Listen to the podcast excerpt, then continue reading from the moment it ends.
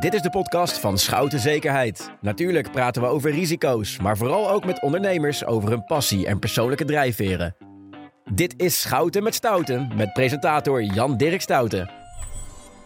Goedemorgen, goedemiddag, goedenavond of misschien is het wel nacht als je naar deze podcast luistert van uh, Schouten Zekerheid. Deze keer met een heel bijzondere Rotterdamse ondernemer, Rodney van de Hengel van Heilige Boontjes. En ik word geflankeerd door Celine Boswijk van uh, Schouten Zekerheid. Rodney Heilige Boontjes, in onze stad een begrip in Rotterdam. Maar nog even voor die paar mensen die het niet weten, wie zijn jullie, wat doen jullie? We zijn uh, Heilige Boontjes, Koffie BV. We zijn een commerciële koffieproducent die zijn winsten inzet om jongeren met een randje, zeggen wij altijd over krassie, uh, terug te brengen op de arbeidsmarkt. Wat hebben die jongeren met een uh, randje of een krassie die in jouw zaak werken uh, meegemaakt in hun leven vaak? Nou, de meeste jongeren die hebben schuldenproblematiek, detentieverleden. maar het zijn ook jongeren met, met een fysieke beperking, lichamelijke beperking, mensen met autisme. Eigenlijk zetten wij de deur open voor iedereen die een kans wil. Alleenstaande moeders die in de toeslagenaffaire hebben gezeten. Dus wij proberen zoveel mogelijk op te komen voor de zwakkeren van de samenleving in onze Ja, ja Celine, jij bent er wel eens geweest, hè? Ja, Hoe vond je klopt. het? Um, ja, ik ben samen met uh, Lela geweest uh, om Rodney, Rodney te ontmoeten in eerste instantie. En toen, uh, later ben ik nog met een vriendin ben ik gaan lunchen. Dus dat was ook echt heel erg leuk. Dus ja, nee, dat was heel erg leuk. En, en, merk je dan dat de mensen die jou daar bedienen iets hebben meegemaakt in het leven? Nee, zeker niet. Het is dat ik het wist van tevoren. Uh, maar anders dan, uh, ja, dan weet je dat helemaal niet. Is dat misschien wel het grootste compliment dat je kunt krijgen, Rodney? Ja, en dat is ook uh, onze grootste doelstelling. Um, wij zetten ons product op nummer 1, onze servicegerichtheid. Mm -hmm. Want zonder inkomsten kunnen we deze jongeren niet ondersteunen. Dus dat is ook de boodschap die we uitdragen aan ons personeel. Van zorg dat je beter bent aan de overkant. Zorg dat je een mooie product hebt aan de overkant. En mm -hmm. zorg dat de mensen niet merken wat er aan de hand is. Maar als ze het vragen, dan zijn mijn medewerkers altijd bereid om een klein stukje toe te lichten. Het is prachtig wat je doet. Waarom doe je het? Wat is jouw drijfveer om juist met deze mensen aan de slag te gaan? Ja, ik ben zelf uh, uh, ook een boefje geweest.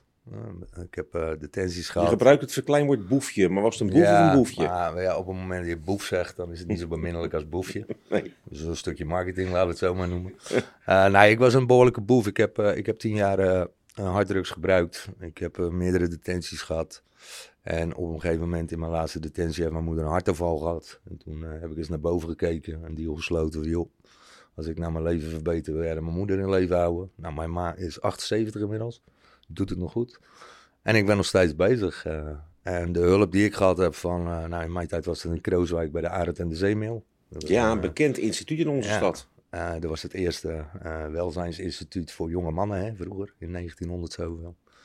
En ja, daar zaten wat mensen, gewoon Rotterdammers, dus geen professionals. Er zaten drie professionals en 50 vrijwilligers. Tegenwoordig heb je 50 professionals en drie vrijwilligers. Maar die mensen die hebben hun, uh, hun handen uitgestoken, die hebben mij geholpen. Soms een uh, aai over de bol. Regelmatig een schop onder de hol, zeg ik Mhm. altijd. En uh, ja, door hem ben ik gekomen waar ik nu ben. En dit wil ik, ja, ik noem het altijd maar pay it forward. Weet je Jij wel. wil die mensen ook zetjes geven in het leven. Ja, nou, een, een, een mens wat zich gelukkig voelt in de maatschappij is vele malen productiever, kost vele malen minder. Dus een uh, andere wijze van investeren in mijn stad. Uh, in plaats van alleen maar te denken over geld en rijkdom en, en vijf huizen en zes auto's. Denk ik van nou, als ik uh, mijn geld in een ander kan stoppen waardoor zijn leven aanzienlijk verbetert, dan slaap ik beter op dan op een uh, Ja, Celine, jij bent een jonge vrouw. Ken jij mensen in je omgeving die wel eens afgegleden zijn in het leven? Um, nou, toevallig heb ik in het verleden heb ik wel uh, vrijwilligerswerk gedaan in de gevangenis. Dus Oké. ben ik de gevangenis de Schie in geweest. En het idee was dan dat we um, gewoon met de gedetineerden gingen praten. En dat als mensen dan uh, bijna vrij kwamen, dan konden we ze helpen met een baan of met uh, een huis. Dan gingen we eigenlijk gewoon alleen de gegevens opschrijven voor de stichting, zeg maar. Um, maar dat was wel een hele bijzondere ervaring. Ja, wat maakte het bijzonder? Kun je dat concreter maken? Nou, omdat de gevangenis is toch iets gesloten is. Je weet eigenlijk helemaal niet hoe dat eraan toe gaat. Dus ik was er eigenlijk heel erg nieuwsgierig naar, ja, hoe gaat dat dan? Ja, heb je ook bijzondere persoonlijke verhalen van mensen gehoord? Ja, zeker. zeker. Vertel eens. Uh, nou, iemand die zat uh, levenslang. Maar je, ik vraag dan niet aan die mensen van, oké, okay, wat heb je dan gedaan? Maar er komt wel een heel verhaal uit over familie en wat ze hebben meegemaakt. En, uh, ja. Maar er zijn ook verhalen dat, dan vertel ik bijvoorbeeld dat ik jurist ben.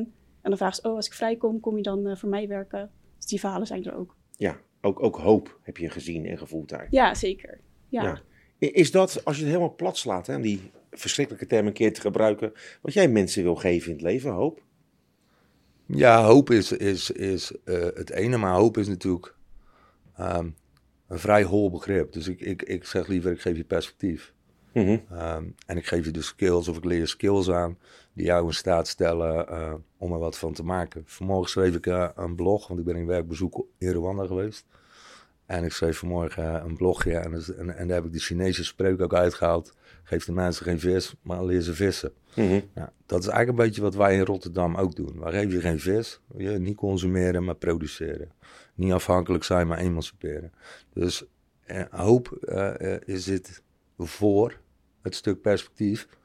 Eh, maar wij proberen die hoop echt te concretiseren in iets tastbaars. Kun je een concreet voorbeeld noemen van iemand die bij je binnenkwam, er niet goed voor stond en naar buiten ging en er veel beter voor stond in het leven? Ja, ik, eh, ik kan daar wel, eh, wel honderd voorbeelden van geven inmiddels. Maar laat ik, laat ik iemand nemen die, die je dagelijks kan waarnemen in, in, onze, in het Grand Café aan het Eendrachtsplein, oude politiebureau. Daar staat Robin. Robin is mijn teamleider. Robin kwam binnen. Een jongen die eh, door allerlei omstandigheden behoorlijk in de schulden was geraakt. Een jongen die de straat kent, is opgegroeid op de straat, dus ook weet welke mogelijkheden er liggen op straat om een probleem op te pakken. Dat zijn niet de meest conventionele methodes. Ehm, dus eh, hij dreigde weer. Hij had wel eens wat gedaan. Niet zo'n grote jongen, maar wel wat gedaan. En hij dreigde weer in dat systeem te vervallen. Nou, ik kwam hem tegen. Ik heb hem gevraagd om, eh, om met mij mee te gaan draaien op, het, eh, op onze eerste locatie op het Mijnersplein. Inmiddels is eh, Robin schuldenvrij. Hij rookt niet meer. Hij bloot niet meer. Hij sport als een malle. Eh, hij is 20 kilo afgevallen. Hij heeft een hypotheek. Weet je, dat soort verhalen maak ik dagelijks mee. Ben je dan trots? Tuurlijk ben ik trots. Maar er zit in mij ook altijd zoiets, en dat zal Rotterdams wezen van, ja, maar ik ben nog niet klaar. Dus Nee. die trots, die moet ik altijd weer even snel opzij zetten. Ik ga niet heel de dag eh, eh, als een soort van pauw in de rond te rennen en mijn veertjes omhoog steken. Ja. Daar heb ik geen zin in. Weet je, de reden waarom ik mijn verhaal vertel, waarom ik eh, me- met mijn mensen deel, is om bewustwording te creëren dat een maatschappij waarin alles best goed geregeld is, eh, niet altijd even effectief is voor de onderkant van de samenleving. Mhm. Dus eh, dat is mijn. eh, En daar wil jij even inzetten. ja, ja, ik vind het wel tof om me in te zetten voor mensen die het minder hebben dan anderen. Hey, dit is een van jullie relaties, hè? Ja. Heilige Boontjes. Celine, hoe, hoe bijzonder is deze relatie voor jullie? Nou, ehm, wij vonden het verhaal eh vonden het niet sowieso heel erg mooi. Maar toen we pas langs gingen, toen kwamen we erachter dat eh dat nu ook een klant is van Schouten. Tenminste, wij. Mhm. Dus dat is, eh, ja, dat is een hele mooie klant.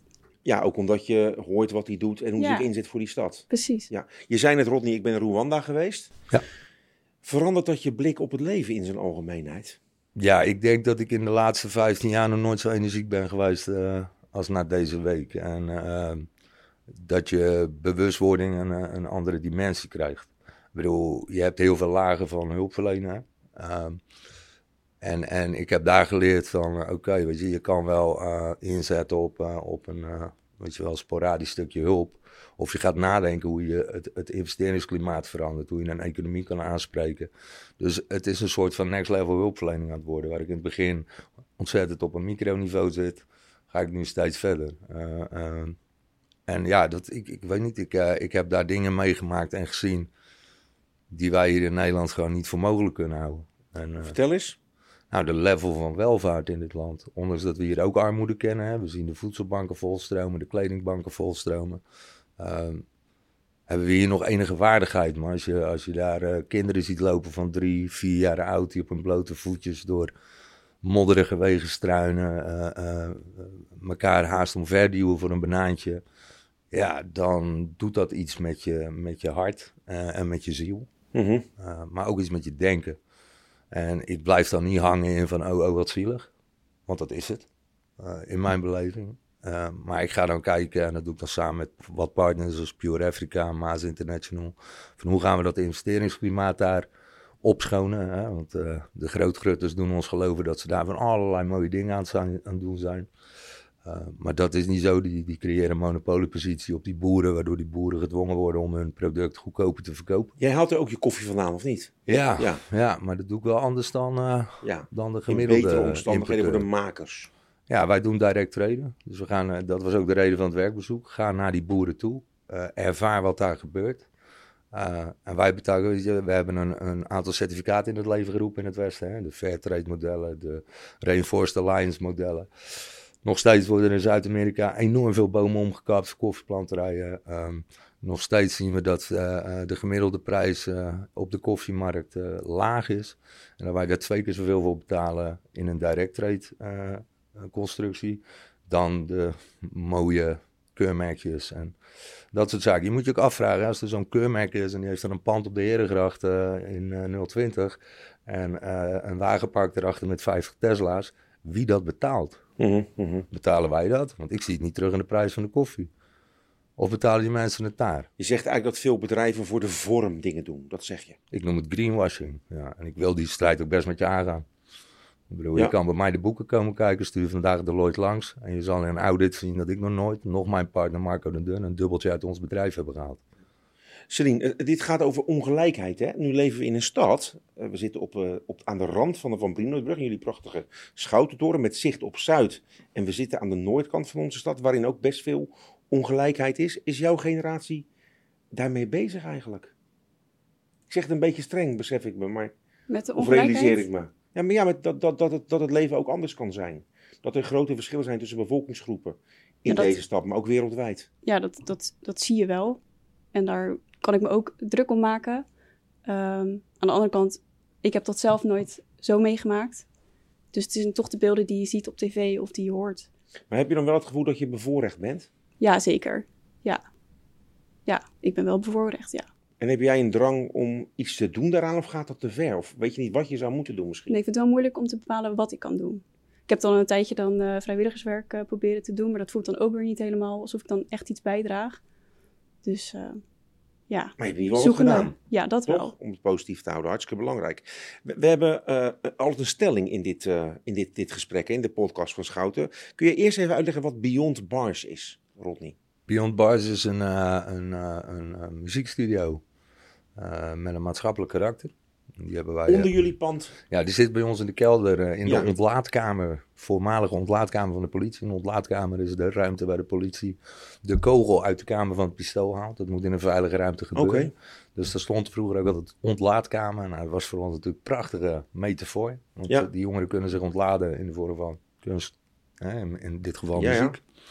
Dus, eh, en Beyond Bar staat voor eh, verder kijken dan de tralies. Ja. En wat gebeurt er als je niet meer achter de tralies zit, maar als de tralies achter jou zijn? En dan kun je dus bij ons eh Jullie terecht. eigen muziekstudio. Eén tussenstap, Celine. Kun jij zingen of rappen of hiphoppen?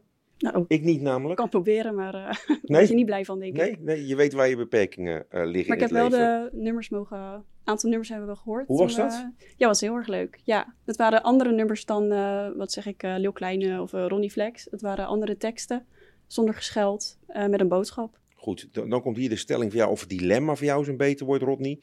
Beyond Bars wordt een van de grootste platenlabels van Nederland. Of er komt een nieuwe vestiging van Heilige Boontjes bij. Als je zou moeten kiezen. Dan ga ik voor Beyond Bars, wordt een van de grootste platenlabels van Nederland. Ten meer omdat dat inkomsten genereert. Die wij met ons, eh, ja, ik noem het wel, eh integere Rotterdamse hartje. Eh, zouden investeren in tien nieuwe panden van Heilige Boontjes. Kijk, dus, dus het is geen of, of wat jou betreft, maar en, en het Nee, een dat helpt het ander. Daarom. Ik bedoel, maar dat is het ook. Hè. Je zegt van ja, wat heb jij gedaan voor de mensheid en zo. Het is ook moeilijk. Je pakt niet al het leed aan in de wereld. Dat gaat niet lukken, weet je wel. Ik had dat ook toen ik in Rwanda reed. dacht van, nou, ik trek even mijn portemonnee. Maar wat ga ik doen? Ja, Ga ik daar 40.000 mensen 1000 eh eh, Rwandese franken geven? Dat is voor mij 400 euro. Uh, maar waar blijft dat geld? Dus Mhm. morgenochtend is het verdampt en dan staan diezelfde kids er op de hoek. Hoe krijgen we het inderdaad voor elkaar dat we nadenken over ons consumptiegedrag? Dus in, hè, voor een flesje wijn, eh, laten we zeggen in deze echelons, betalen we tussen de 18 en de 30 euro. Hè, voor een mooie Merlot. Of, eh, waarom betalen we dan eh, 4,50 euro voor 80 koppen koffie? Als je maar zes glazen uit die wijn kan halen. Wat, wat is die, wanneer komt het besef van, hey, dit spul wordt gegenereerd in een land? heel, heel, heel diep op die materie in te gaan. Maar laten we hem wel aanraken, doe je goed namelijk. Word je daarbij wel geholpen in die strijd door de tijd waarin we nu leven? Mensen worden zich steeds meer bewust van het feit dat we misschien wel te veel oneindig dachten te kunnen consumeren. Ja, nou, ik denk dat, we, dat, dat mediums zoals LinkedIn, eh, Facebook, TikTok, Instagram daarin ondersteunen. Kijk, vroeger moest je een spreekbuis vinden. En als de redactie van een krant vond dat jij niet interessant genoeg was, poep, poep. Ik heb dat zelf meegemaakt met de nationale zenders. Als er dan wat anders tussen komt, wat net iets Ja, hè, meer tot de verbeelding Werd je spreekt, afgebeld? werd, werd ik afgebeld of afgeblazen. En nu hebben we onze eigen mediums, onze eigen volgers. En die schade wordt steeds groter. De, de, de oneerlijkheid in de wereld, zodra je dat toont, kan je er niet van wegkijken. Ik zeg altijd van, dan zit ik te zappen s'avonds. En dan kom je op zo'n filmpje, dus je zo'n doorvoet buikje en zo. Nou, je eerste aandoening is van, ja, daar heb ik geen zin in, plop. Mhm. En dan ga je weer door met je amusementenprogramma of je gaat naar Van der Rijp zitten kijken. Eh, je kan niet wegkijken als je in het land zit. Want als je je omdraait, staat, staat er weer een probleem. Kijk je die kant op, staat er weer een probleem.